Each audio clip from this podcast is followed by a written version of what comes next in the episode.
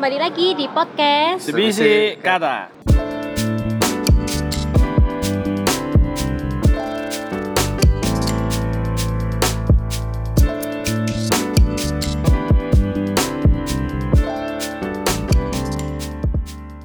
Kita mau ngapain kali ini? baca puisi. Jadi seperti di episode 0 kemarin sudah di spoiler bahwa di episode 1 Spoiler gaya banget. kita mau bacakan puisi lalu kita bahas. Ulas. kita ulas. Karena ini tiga orang jadi nanti puisi yang dibacakan ada tiga. Ini beda-beda penyairnya. Mulai dari siapa dulu? Saya dulu ya. Mungkin iya, Ya. kamu dulu aja. ini eh, saya akan membacakan puisinya Pak Sapardi Djoko Damono.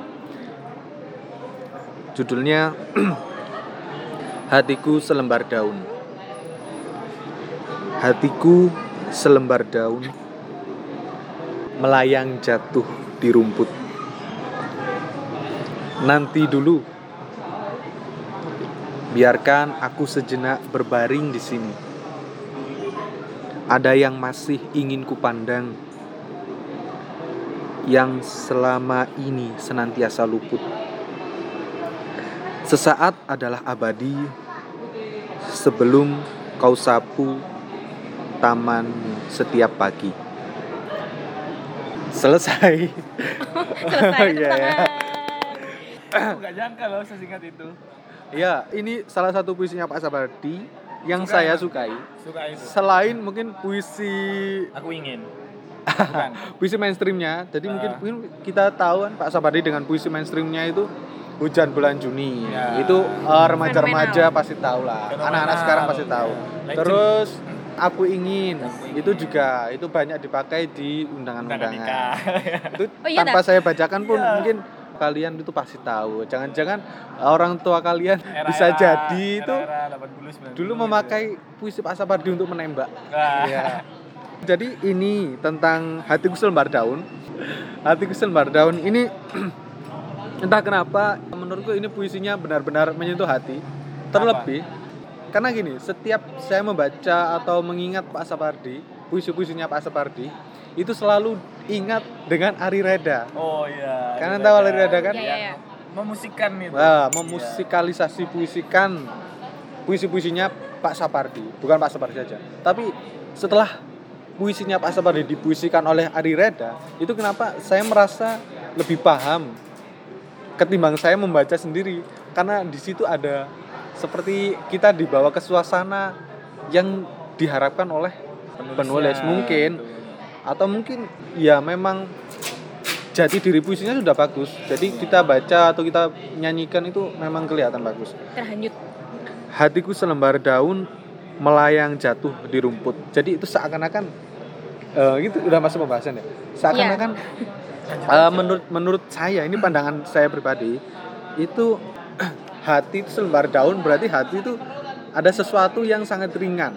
Ada sesuatu yang sangat ringan. Itu jatuh melayang dulu. Ada proses melayang itu artinya menikmati proses jatuh itu. Menikmati proses jatuh melayang jatuh di rumput. Selanjutnya nanti dulu koma biarkan aku sejenak berbaring di sini. Jadi setelah ia jatuh ia menikmati dirinya yang terbaring di bawah Rumput di rumput itu tadi berarti dia menengok ke atas menengok pohonnya tadi itu seperti hati yang sudah jatuh tapi dia masih menikmati proses jatuhnya itu. Terngiang-ngiang. ah atau kita mungkin Gak bisa move on. mungkin sekarang itu bisa dianalogikan seperti itu ya Iya. jadi proses jatuh itu bukan sesuatu yang menurut orang itu sesuatu yang Menyakitkan, menyakitkan ya. mengecewakan. tapi kan bisa proses jatuh itu dinikmati nah dari puisi ini digambarkan seperti itu menurut saya. Nanti Iya. dulu biarkan aku sejenak berbaring di sini. Ia begitu menikmati jatuh. Lalu ada yang masih ingin kupandang. Jadi ada sisa-sisa dari dirinya sebelumnya sebelum jatuh yang ingin benar-benar ia pandang. Entah pohon entah pertaliannya sebelumnya kan daun itu kan melekat pada tangkai-tangkainya. Jadi mungkin yang ia pandang itu adalah sebuah hubungannya sebelum ia putus dan jatuh tadi. Jadi ia mengingat ada yang masih ingin kupandang. Yang selama ini senantiasa luput. Jadi kita kadang memang baru menyadari sesuatu yang Berharga. berharga itu kan setelah ditinggalkan atau meninggalkan ya. Curhat ya Pak ya. Ah, maksudnya ya memang sesuatu kelihatan berharga itu setelah tidak kita miliki kan, bukan curhat tapi Iya, benar, benar, benar, seni-seni memang Iya, ini serius, ini serius. dari dari pengalaman. Lalu sesaat adalah abadi.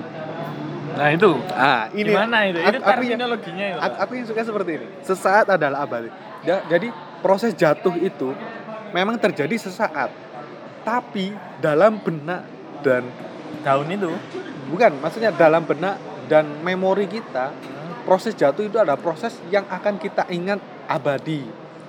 Analoginya orang yang jatuh hati lalu disakiti pasti sampai kapan pun orang yang menyakiti atau prosesnya itu akan selalu teringat Betul.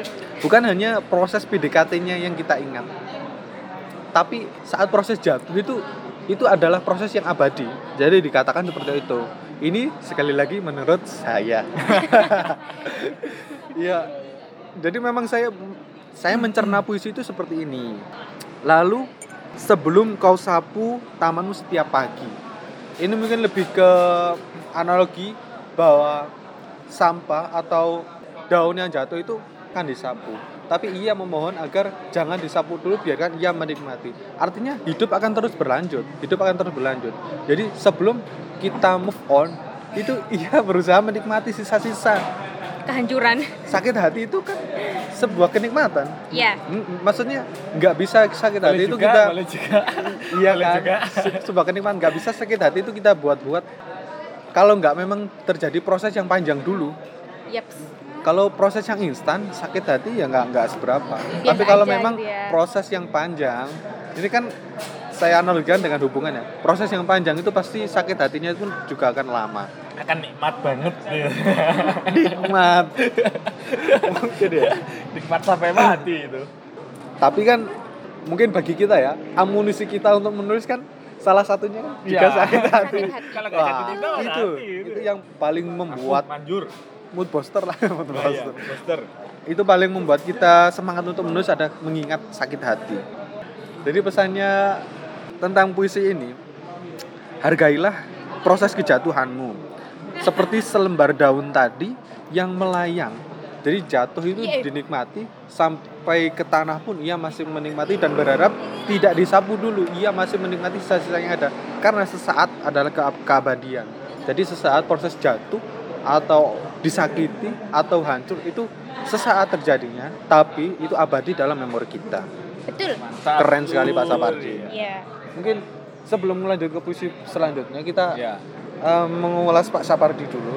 Sepengetahuan saya, mungkin eh, kalian lagi boleh menambahkan. Jadi Pak Sapardi ini salah satu orang favorit. Mungkin menurut saya Indonesia. orang favorit pertama dalam inspirasi saya menulis puisi ya. Di podcast ini pun, di podcast kita pun Sebisik Kata ini memang puisi pertama kita persembahkan apresiasi terhadap Pak Sapardi karena dia legenda hidup maestro yang sampai sekarang masih menulis. Saya benar-benar kagum dengan kuatnya atau kata-kata atau pemikirannya Pak gitu Sapardi. ya.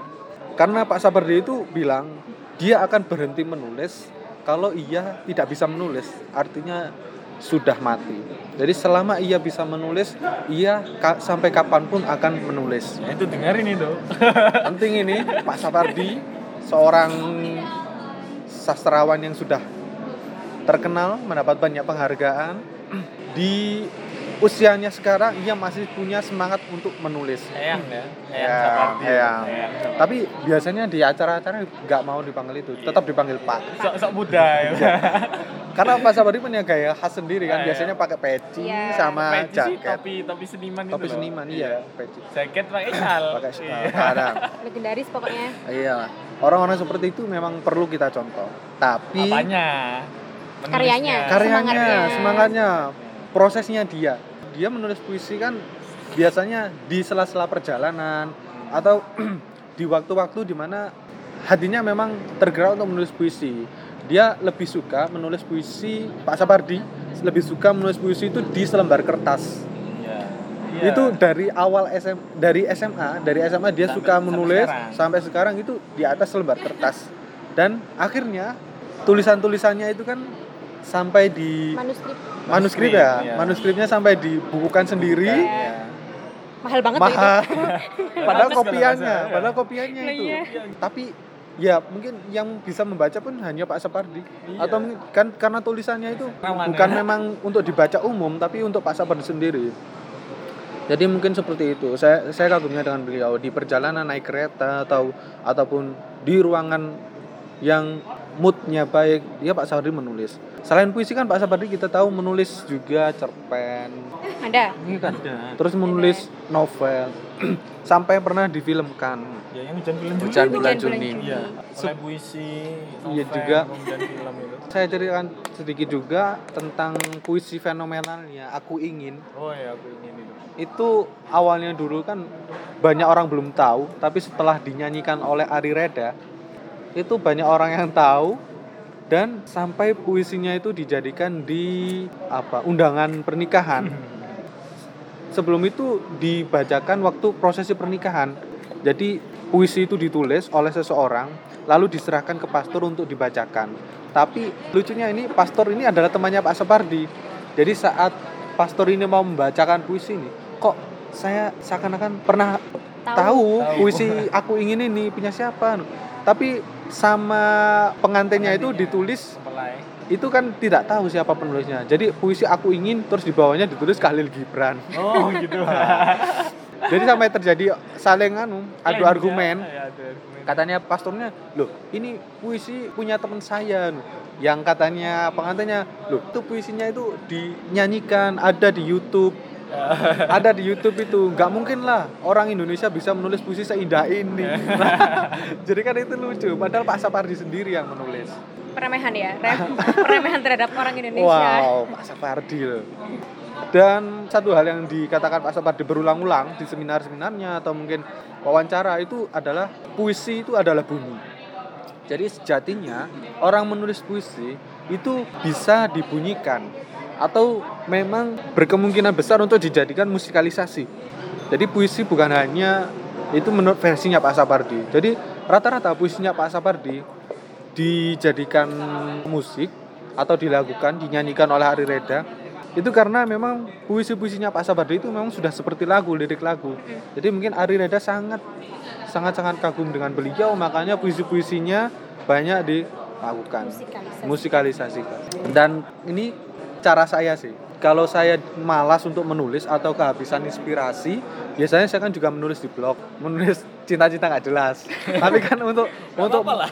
untuk membuat apa ya menarik inspirasi itu saya dengerin dulu musik-musiknya Ari Reda terutama puisi-puisinya Pak Sapardi ya seperti hatiku selembar daun terus aku ingin hujan di bulan Juni itu melodi-melodinya itu membuat hati tiba-tiba mood untuk menulis tentang cinta atau tentang sebuah hubungan. Coba dong. Nyanyi? Iyalah. Suara saya nggak apa-apa. Ini kan nggak jualan suara. Seperti biar siapa tahu dia belum tahu gitu. Coba dengerin Ari Reda sendiri lah di YouTube. Curang nih saya, curang. saya takut itu marah merendahkan kualitas musiknya kalau saya nyanyikan. Itu kenal Jason Ranti. ah. Jason Ranti itu juga ini sih pengagum Pak Sawardi juga. Itu ya emang barangkali tulisannya Pak Sawardi kan emang gampang ya gampang dilaguin itu kalau Jason Ranti sih yang aku tahu lagunya itu lagunya begini nadanya begitu oh itu seperti Itu. bukunya Pak Sapardi kan nah itu sampai judulnya aja diambil dari bukunya Pak Sawardi Iya. lirik-liriknya pun juga Cek, kayak gitu kalau punya Pak Sapardi itu maknanya begini bilangnya begini Oh iya, maksudnya, maksudnya, begitu, begitu. kan Nah, gitu. gitu. Iya. Kan hampir-hampir sama gitu. Terus di salah satu liriknya yang Jason nanti itu ada eh, ada berita apa hari ini Dian Sastro itu. Kan kalau di versinya Pak Iya. Sapardi ada berita apa hari ini Dian Sastro gitu. eh kayak diselewengkan dikit lah gitu. Jason Ranti terus Ari Reda Iya. mungkin setelah ini juga banyak generasi Ya. kita yang mungkin baru mengenal Pak Sapardi lewat musik-musiknya Jason Ranti atau mungkin Lewat podcast ini Aras- ya. Ari Reda atau mungkin podcast podcast kita ya belum tahu Pak Sapardi kebangetan lah Ya kita memang sih? harus ya Ya iya. gimana sih orang sehebat itu kita punya Iya, orang sehebat iya, itu iya. bahkan sekelas Khalil Gibran katanya tadi kita punya loh orang sehebat itu menulis puisi sebagus itu patutlah kita apresiasi Iya betul. jadi itu wujud kekaguman saya terhadap puisi Pak Sabardi tapi dalam menulis puisi pun kita harus memainkan improvisasi kan Iya. tidak menganut atau Meniru. meniru itu secara Belak-belakan. Ya. oh ya se- secara berapa kan Iya. tapi selipkan dirimu di situ kan Yaps. karena kalau kita mau menjadi Sapardi kita tidak akan bisa menjadi Sapardi selama masih ada Sapardi Nah, itu. Bagus banget. itu ya. saya ingat kata-katanya Pak Tengsu Oh, Pak Tengsu. Pak Tengsu, ya. saya Cahyono, ingat- Pak Tengsu Cahyono itu. Ah, ah. Ya. saya ingat sebuah wawancaranya eh wawancara seminarnya Seminarnya, kemarin ya. Hmm. jadi kalau kita ingin menjadi Pak Sapardi kita nggak tidak akan bisa menjadi Pak Sapardi selama masih ada Sapardi tapi jadilah dirimu mungkin seperti itu Yaps. nanti kamu juga bisa akan meroket kiranya itu saja dari Sabardi.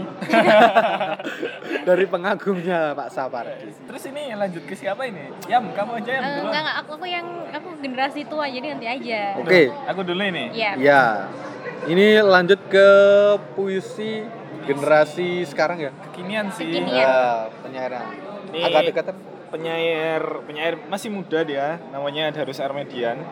Darus Darus Armedian ya. saya baru dengar Iya, baru denger ya. Belum begitu masyhur, nggak begitu semasyhur Pak Sabardi emang. oke buktikan Ini aku cuma ingin baca satu puisi aja, tulisannya Darus tahun 2018 ya. wow baru Judulnya Aku akan mencintaimu semampuku. Makasih. Ah. Apaan sih? waduh ya, udah ya baca ya ini ya, baca ya. Ya. Aku akan mencintaimu semampuku. Darus Armedian.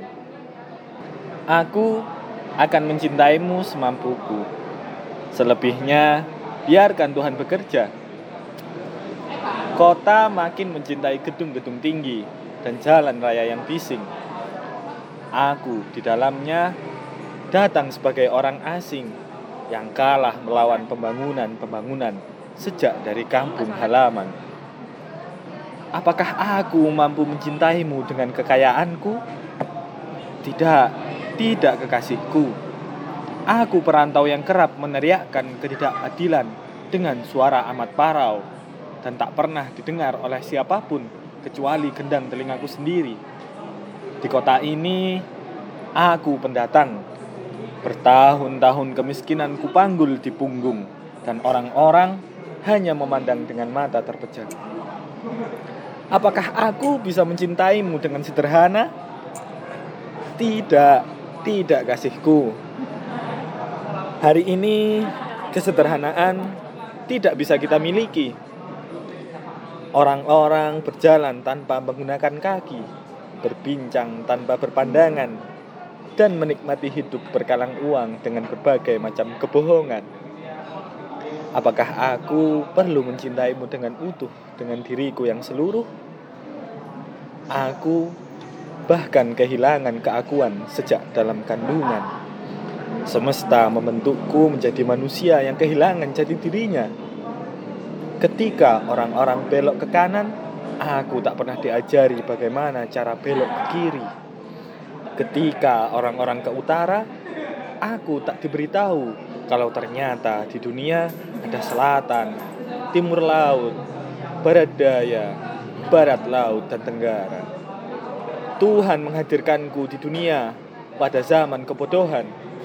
Teks-teks ditinggalkan, berita muncul hanya sepenggal dan sulit diketahui dari mana berasal. Makna-makna luluh lantak dengan sempurna di hadapan citra. Mitos yang satu dihilangkan mitos lain dalam bentuk ruang maya terus ditumbuh kembangkan. Lalu, mungkinkah aku mencintaimu atas nama ilmu pengetahuan? Tidak, tidak kekasihku. Tidak bisa begitu. Barangkali yang aku bisa hanya akan mencintaimu semampuku. Selebihnya, biarkan Tuhan bekerja. Radio Yeay. Buku Garawaksa 2018. Oke. Panjang banget ya. panjang Kayak bikin makalah ya, Pak ya. sedih sedih sedih Soalnya lo tapi aku aja dipuisin gitu melting loh. Iya. Aku, aku kurang bisa mencerna tapi menangkap maksudnya. Gimana sih ya? Keren Tapi ini, aku aku- menikmatinya, aku menikmatinya. Aku suka banget di sini, nggak tahu ya kenapa gitu. Ini puisi baru kan? Iya, 2018 kemarin. Tapi sepertinya pemilihan diksi-diksinya itu seperti Ala-ala Sapardi gitu gak sih? Iya gak ya sih? menurutku sih si Darus ini ya namanya kan ya anak maksudnya enggak perbedaannya dari dari Sapardi nah, mungkin Ciri dari dia mungkin. ciri khasnya dia apa? Oh iya. Eh, ini cerita ya, nanti aku ini dari aku ya maksudnya. Kalau aku lihat Darus sih ini backgroundnya dia, dia kan studinya di emang filsafat gitu. Jadi setiap apa yang dia tulis itu ngangkat isu isu urban barangkali isu urban terkini ya kalau barangkali kalau di puisi yang barusan tak baca itu mengenai perantauan, mengenai isu-isu literasi ya, hoax itu, berita-berita bermunculan tanpa sulit dilacak dari mana berasal itu kan isu-isu isu-isu terkini gitu Iya. loh. Dan dia selalu mengaitkan Tuhan di sana itu. Enggak cuma di sini saja sebenarnya. Tapi di beberapa puisi lain Darus itu emang menghadirkan sosok ketuhanan di situ. Nggak tahu ya, barangkali dia emang penganut Pancasila ya, ketuhanan yang Maha Esa gitu. Kalau Darus ini yang sepengamatanku emang gitu. Itu termasuk kritik eh, kritik sosial gak sih? Ya itu yang aku suka dari Darus itu gitu. Dia tuh seakan-akan bisa memadukan romantisme, melo-melo gitu ya, sama kritik sosial yang seharusnya itu tajam. Bi- Bicara kritik sosial kan masuk ke Jason Ranti kan? Nah ini Sama kan? Tapi Jason Ranti kan lebih ke musik. ya lebih Tapi ke nada-nadanya kan juga juga kritik sosial. Heeh, itu. Berarti ya ini kritik sosial yang lembut yang ya Yang menurutku garis Yang indah. garis ya yang indah ya. dan, dan Dia- bermakna. Heeh. dia ya Menginspirasi. anti mainstream lah menurutku dia tuh Iya. tengah-tengah antara Kemarin seorang yang Sitor Situmorang dan Sapardi Djoko Damono ini jadi dari Ahmad Dhani itu menurutku. Wow, aduh. Itu kan menurutmu. Ya, itu kan menurutku ya. gitu sih. Ya Berarti emang penyair-penyair sekarang itu lebih melihat itu ke isu sosial Ya. karena kita kan memang banyak mengalami waduh kita nggak bicara politik nggak Mm-mm. bicara politik tapi kan lebih banyak di tahun 2018 2019 Ya. kita kan memang dibuat kacau Mm-mm. pemikiran kita Betul. dengan banyak apa-apa yang ada di media yang disuguhkan media itu terkait hal-hal yang Receh tapi disebesarkan. Ya yang nggak nggak hanya receh juga hal yang terlalu rumit wah? menguras ini rumit emosi. ini. Iya. maksudnya gimana Ini ya rumit ini. yang rumit yang Rumit ngomong. ini bahasanya ini. Ya ya ya. Ya intinya puisi kan juga bisa selain tadi menggambarkan perasaan atau hubungan. Kalau Iya. dari As Media ini Ah, ah. mengulik atau menceritakan sisi-sisi sosialnya Iya. yang terjadi sekarang. Nah itu aku juga pernah kan aku ikut IG-nya Darus ya. Kalau yang Follow. follow ya, iya. Ikut follow itu ikut dong. apanya Follow itu ikut? Inggris. Iya, Iya. maaf maaf. Eh, kamu tuh orang mana sih? ya kan ikut IG-nya Darus yang asli yang kontennya dia itu yang Armedian ID tapi dia punya akun lain yang khusus untuk tulisan-tulisan dia itu namanya suara lain gitu. Artinya emang dia itu bersuara lewat puisinya itu tapi ya lain ya gitu loh. Sepem- sepemahamanku sih gitu. Dia emang unik lah menurutku makanya aku suka baca Ah, ah. puisinya dia. Sebenarnya banyak penyair-penyair muda yang memang perlu kita bahas atau kita gali. Ya, biar kita, sekedar kenal tahu lah, ya. sekedar kenal. Hmm. Jadi jadi teman-teman di sini yang dengar jika menambah wawasannya siapa sih uh, Jauh, penyair-penyair ya. sekarang, penyair-penyair dulu yang pastinya nggak boleh kita lupakan juga. Betul. Nah kalau si Darus ini dia kan backgroundnya orang filsafat gitu ya. Tapi kenapa kok dia nulis puisi maksudnya? Ya nggak cuma puisi sih. Dia itu pernah nerbitin buku tahun 2016 itu bukunya Sifat Baik Daun. Nah itu kumpulan cerpennya yang pernah dimuat dua di media itu. Ya Darus ini termasuk salah satu apa ya inspiratorku buat nulis ya. Kayak Gup, Cak Gup tadi. Cak Gup eh, Pak punya Pak Sawardi, aku punya Darus ini. Aku punya kamu. Ah, Iya. Gimana dong? Nah, kebiasaan. jangan jangan jangan kebiasaan jangan, itu jangan. kebiasaan aduh ke semua orang gitu Nah, ya kalau Ini ya. kalau aku kan masih ini sementara ini kan berkecimpungnya di sebisi kata nah kalau Ya. Darus itu namanya itu lesehan sastra kutub Yogyakarta. Ya. Bukan sementara ini ya. Oh. Saya kan merasa mau ditinggalkan. Aduh. Enggak Ya, mungkin kita kita masih di sini. Ya kita masih di sini. Dan selamanya. Ah, Iya kan kita Bisa. itu kita kan mempunyai motivasi besar, impian besar yang berguna untuk oh iya sorry, yang berguna untuk kehidupan bangsa. Oh, Kan iya. kita mau- Nggak, nggak. kan kita mau Kan kita nggak, agent of change ya. Jadi kan kita tuh mau membumikan sastra literasi di Malang Selatan. Oh, Ingat gak sih? iya. Ingat gak Itu, sih? itu sebenarnya sebuah perjalanan moto kita. ya, ya. yang Entah kapan. Kalian ngomong apa ini? Entah kapan bisa lahir sastrawan sastrawan itu nggak di Jakarta Jakarta sana, Tapi di Malang Jogja, Selatan. di Solo. Kita juga punya loh. Ya, abis ini harapan muncul, sih, eh, harapan. Pasti ada, pasti ada. Ya nanti kalau teman-teman yang minat ya, po- pokoknya ikut, iya ikut aja IGJS Bisik Kata gitu. Sekalian promo. Iya betul, biar menambah Iya. nggak faedah sih sebenarnya. Eh ini bahas apa ini? Lanjut bahas dari apa gimana? ya, oke, Eh, udah. Apa ganti? Darus. Kamu Baik, aja Mayam. ini kita Yam. Lanjut ke puisi berikutnya ya. Oh gitu. punya Oke. ayam. Oke. Iya ayam. Silakan Punya ayam. untuk Ayam. Maryam. Padamu jua karya Amir Hamzah. Habis kikis segala cintaku hilang terbang, pulang kembali aku padamu seperti dahulu. Kaulah kendil kemerlap pelita jendela di malam gelap, melambai pulang perlahan, sabar setia selalu. Satu kasihku, aku manusia, rindu rasa, rindu rupa. Di mana engkau? Rupa tiada, suara sayup, hanya kata merangkai hati. Engkau cemburu, engkau ganas, mangsa aku dalam cakarmu, bertukar tangkap dengan lepas. Nanar aku gila sasar, sayang berulang padamu jua. Engkau pelik menarik ingin, serupa darah di balik tirai. Kasihmu sunyi, menunggu seorang diri. Lalu waktu bukan giliranku, mati hati bukan kawanku. Sudah. Yeay. Semoga suaranya tadi cukup kedengaran ya. Kenapa Iya. nih ceritanya gimana? Jadi emang sengaja eh, di podcast ini aku mau ngambil eh, sastrawan-sastrawan yang tua ya istilahnya, yang udah lama. Soalnya kebanyakan generasi muda kita, tuh nggak kenal mereka gitu. Dan itu aku merasa miris banget gitu ya sebagai mahasiswa sastra Indonesia. mengakui, mengakui. Gitu loh. Enggak, yam, enggak. Kita nantikan ayam. petuah-petuahnya. Nggak soalnya emang eh, kalau kita mau belajar sejarah sastra itu ya semuanya setiap eh, Generasi. generasi Generasi. dari zaman dahulu itu mesti menginspirasi gitu. Jadi adanya kayak Darus Armedian, terus eh, Sapardi itu juga mereka semuanya terinspirasi dari para orang-orang lama, Sebelum-sebelumnya. Mm-mm, gitu. Dan dan kita nggak memungkiri seorang, kehadiran seorang Amir Hamzah yang saat itu memang dia berjuang gimana caranya membuat sebuah majalah yang memang bahasanya bahasa Indonesia gitu loh, terlepas dari eh, pemerintahan. Jadi mereka kayak mendirikan sebuah majalah indie gitu. Jadi kan Amir Hamzah ini Tahun berapa enggak? Kira-kira tahun berapa? Eh, sekitar 40 40-an, 30 40-an Itu eranya.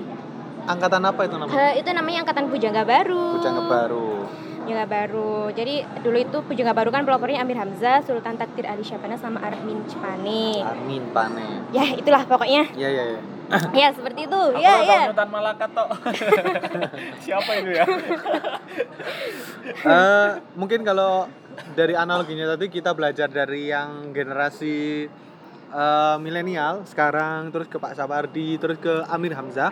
Kalau diruntut eh, memang penyair itu berkiblat dari penyair s- sebelumnya. Artinya misalnya gini ya, kalau ibaratnya muslim kan sholat Ya. eh, jamaah Mm-mm. sebagai makmum di belakang, kita kan nggak mungkin eh, tahu keberadaan imam yang berada paling depan. Ya, benar. Atau mungkin kita memang harus merunut dari sebelumnya, sebelumnya, sebelumnya. Mm-mm. Enggak. Analoginya masuk nggak sih? Masuk nggak masuk ya? ya gitulah, aku paham Iya, kok. iya, iya, paham. Iya. Sebenarnya setiap setiap eh, setiap pengarang penyair kalau kita baca referensi biografinya mereka sih itu mereka terkenal karena emang mereka karyanya mereka khas. Jadi bukan berarti mereka menjiplak gitu Iya, enggak, iya. tapi emang setiap biasanya tuh setiap orang menginspirasi gitu Nah. kan.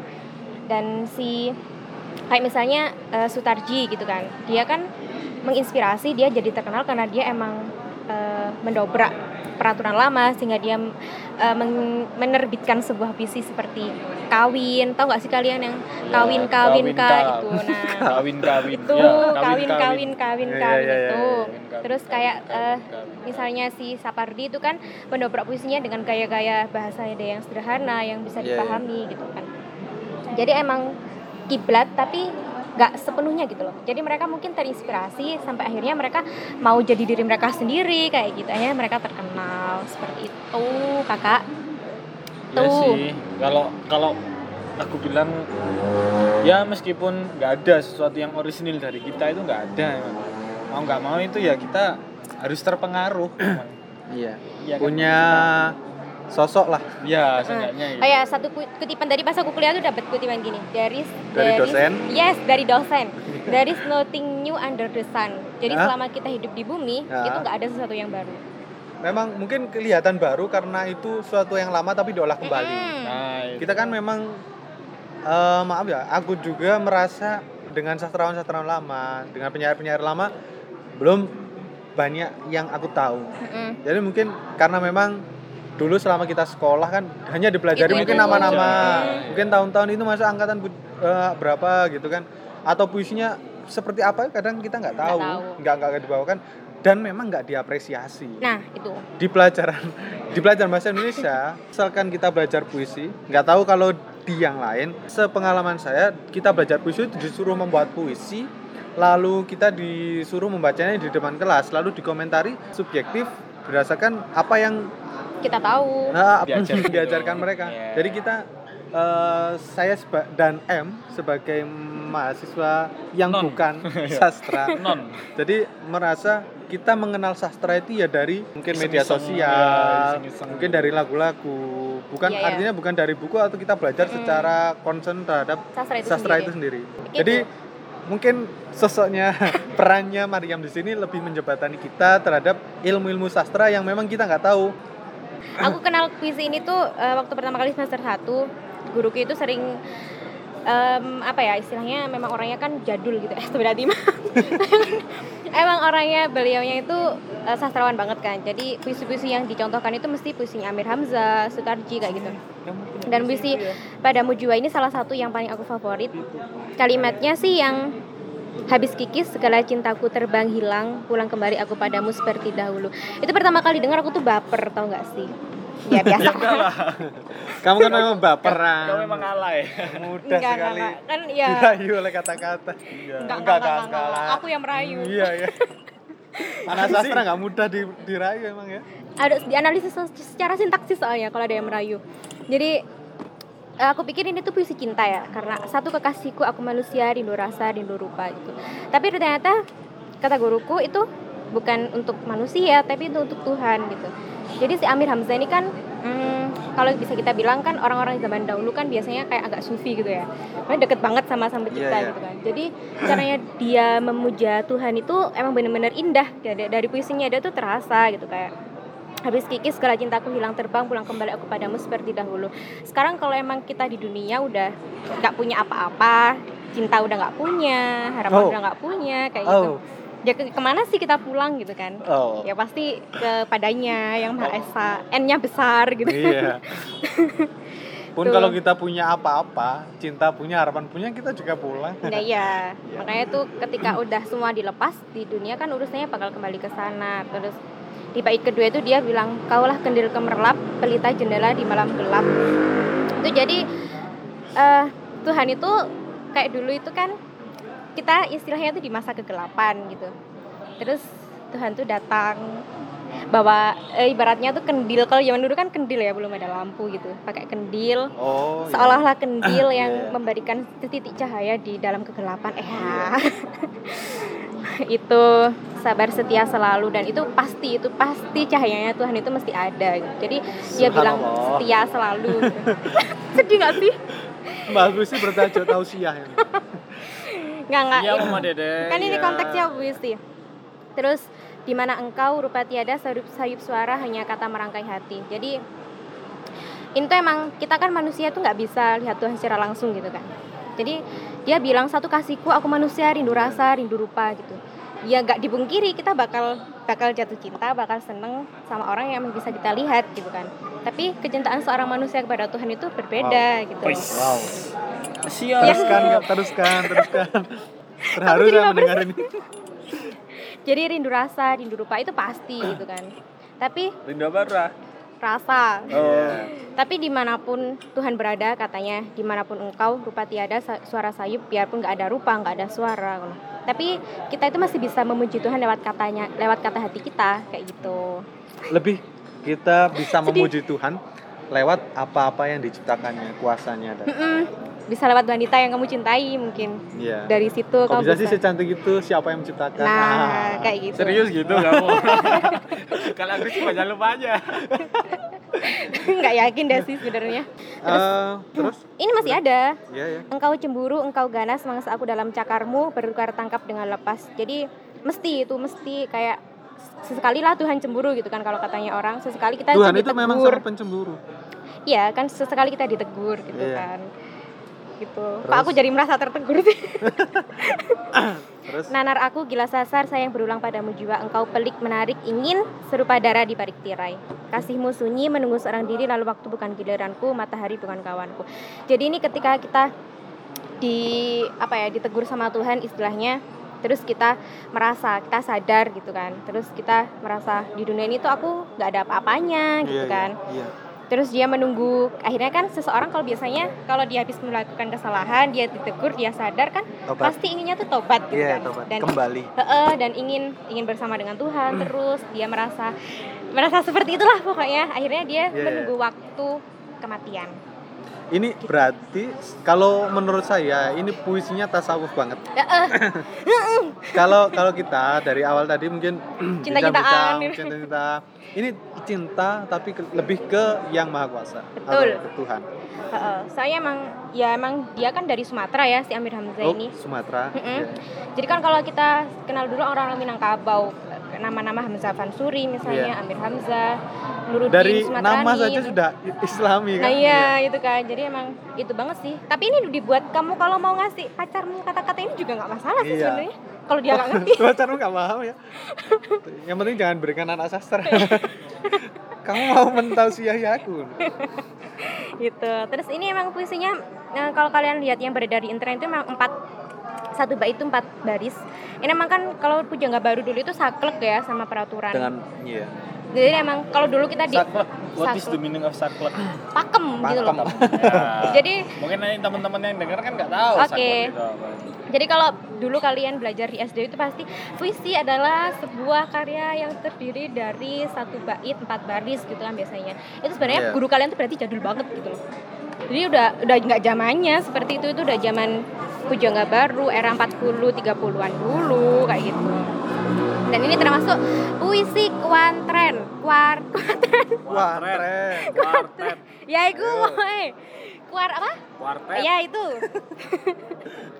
Jadi puisi yang terdiri dari berapa bait? Berapa baris mas? Empat. Oh ya dari empat baris tuh. Kuat. Itu sih eh, seputar Amir Hamzah. Itu tadi udah aku ceritain. Ya. Jadi dia meninggal di usia 35 tahun, masih muda. Oh, muda. Berarti seperti penyair-penyair Kayak siapa sih? aku. Hairil Anwar. Wijaya. Iya, kayak Hairil Anwar. Kamu minta terjang. Puisinya. Oh, isinya. Kalau kamu beneran deh wujud, kayaknya. wujud penghambaan loh. Maksud saya nggak meninggikan diri itu sebuah hal yang ya itu kita bahas lain waktu. Iya, ya. itu Iya, juga, itu juga lebar. eh, itu nanti nanti lah kita bahas. puisi sufis itu juga Iya, iya, iya. masuk. Ya emang Eh. era-era segitu. Hah? Emang era-era itu Rara. kan. Iya. Oh gitu ya. Jadi Oke. eh, di sini tadi di segmen eh, episode pertama ini tadi kita mulai dari puisi Sapardi Mm-mm. lalu ke era milenial Iya, era milenial. melompat puisinya Darus. Darus Armedia. Armedian lalu ke Amir Hamzah. Iya, mengenang Eh, masa lalu. Ini kalau bisa saya simpulkan itu kan kita tadi bicara banyak hal tentang puisi. Mm-mm. Itu kita lebih menekankan kepada identitas penyair. Betul. Jadi eh, maksud saya dalam berpuisi tentunya mereka Mus. Sabar Pak, sabar Pak. tentunya mereka mendapat inspirasi dari penyair-penyair sebelumnya. Mm. atau mempunyai sosok yang memang mereka idolakan. Ya. Tapi mereka bisa seterkenal itu karena mereka punya ciri khas betul yaitu dirinya sendiri. yap Jadi eh, untuk kita, kita sama-sama masih belajar. Kita mempunyai atau membacakan puisi-puisi dari beberapa tokoh tadi, kita memang mengambil inspira- inspirasi sebagian kecil ataupun besar dari mereka. Tapi kita juga memadukan dengan gaya kita sendiri, terlepas dari puisi-puisi yang pernah kita baca. siap Eh, ada lagi nggak? Apa ya? Kalau aku sih menurutku Gimana? eh, ketika kita dalam proses pencarian jadi diri kita, maksudnya Iya. corak ciri Iya. kita itu ya Mengenali mau diri ya kita. terus nulis. Iya. Oh iya iya, saya setuju. Jadi semakin banyak kita menulis, semakin kita Ya, mengenal diri kita. Barangkali nanti diketemukan gitu loh. Boleh jadi quotes. Mas M Muhammad gitu ya. M Muhammad Nanti lah nanti di IG lah. 2019, Nanti gitu di ya. IG muncul itu. Oke. Kalau Terus dari aku menurut sih, mm, iya sih itu benar banget. Jadi kita harus mencari jati diri kita sih kalau memang mau mempunyai nama gitu. Iya. Karena kita nggak mungkin terus-terusan jiplak karya orang kan. Dan pesan aku sih, jadi penyair itu emang bukan sesuatu yang instan dan mudah. Gitu Iya, ya. iya. Kalau emang istiqomah loh ya. Iya, iya. Kalau cuma status galau mah semua orang juga bisa. gitu. Oh, siap, Bu. Pengalaman. Tapi kan puisi ini memiliki marwahnya sendiri. Jadi memiliki Marwah. ya memiliki itunya sendiri lah Derajat. posisi derajatnya Derajat sendiri, sendiri. gitu jadi emang kalau Iya. kita emang mau benar-benar jadi seorang yang puitis itu emang harus melalui proses yang gak mudah gitu loh jadi mulai ya walaupun lah katakanlah eh aku lo bisa nulis puisi satu hari 50 puisi misalnya Iya, iya. tapi nggak nggak apa se- sebuah puisi itu akan akan Nah, Heeh. ya. berarti kalau dia itu emang awet gitu loh jadi maksudnya dibaca semua kalangan bisa terus orang bisa Kapan pun. Eh, kapan kapan pun nggak terkikis oleh waktu Iya. gitu Kalau eh itu sulit sepengetahuan saya, lupa ya kata siapa? Eh kata An Mansur. Hmm, Jadi mungkin ya. nanti di episode lain kita juga akan bahas. Kata An Mansur itu saat kita menulis puisi, terus lalu kita membacanya, kita membaca sekarang, lalu puisi itu kita endapkan. Artinya beberapa iya. tahun kemudian kita membaca Kita lagi, baca lagi, itu- maka persepsi kita berbeda. Ya, Walaupun itu, ya. puisinya sama, Tahu, tapi tahu, persepsi tahu, kita berbeda. tahu, ya. Karena puisi itu berkembang. Eh, apa sih maksudnya? what what punya what dimensi waktu sendiri gitu. loh. Eh, mungkin seperti itu. Dan kata Pak Sapardi nih, tujuan menulis puisi itu bukan untuk dipahami, tapi Ya. orang bisa menikmati puisimu itu sudah goal atau sudah berhasil. Jadi tanpa orang tahu apa maknanya, yang penting dia bisa menikmati puisinya itu maka sudah berhasil. Ya. betul Ya, Setuju. itu. Sastra itu bukan untuk dipahami, tapi untuk dinikmati. Dinikmati. Nah, Oke. Ngopi dulu. Bisa jadi. Seruput. Saya kira cukup, untuk podcast edisi 1. Dari sebisik kata. Iya, spoiler lagi ke depan. mungkin podcast kedua nanti kita ada beberapa edisi. Jadi mungkin kita namakan ini sebisik puisi. Asik. Lalu ke depannya kalau ada bincang-bincang dengan seseorang atau orang yang ingin kita wawancari mah sebisik cerita, Tokoh. sebisik tokoh, Ya, sebisik Mantan. Hei, enggak enggak, enggak Kalau udah mungkin mantan. kita kita kupas, Kita nggak mau undang mantan kita di sini. kupas karya kita Iya. barangkali nanti sebisik Oh iya. naskah atau sebisik apa naskah gitu. atau mungkin sebisik tutorial sebisik tips apa ya Masa? Eh, nanti kita juga Masa? ingin ingin berbagi Eh, menulis puisi bukan kita mengajari tapi kita membagikan Pengalaman. sharing lah sharing bagaimana proses menulis puisi menurut saya terus menurut M dan Ya, menurut boleh. Mariam ya mungkin seperti itu untuk edisi kali ini podcast edisi kali ini Ketemu lagi di Jangan edisi lupa. dua. iya jangan lupa follow oh ya jangan lupa dilihat IG bisik kata ya IG kita nggak usah lah ya Nggak usah lah. nggak usah penting iya Iya, iya. nggak butuh pansos Iya. Yes. baik sampai jumpa di edisi selanjutnya terima kasih dan sampai jumpa terima kasih dan sampai jumpa Bye. Dah.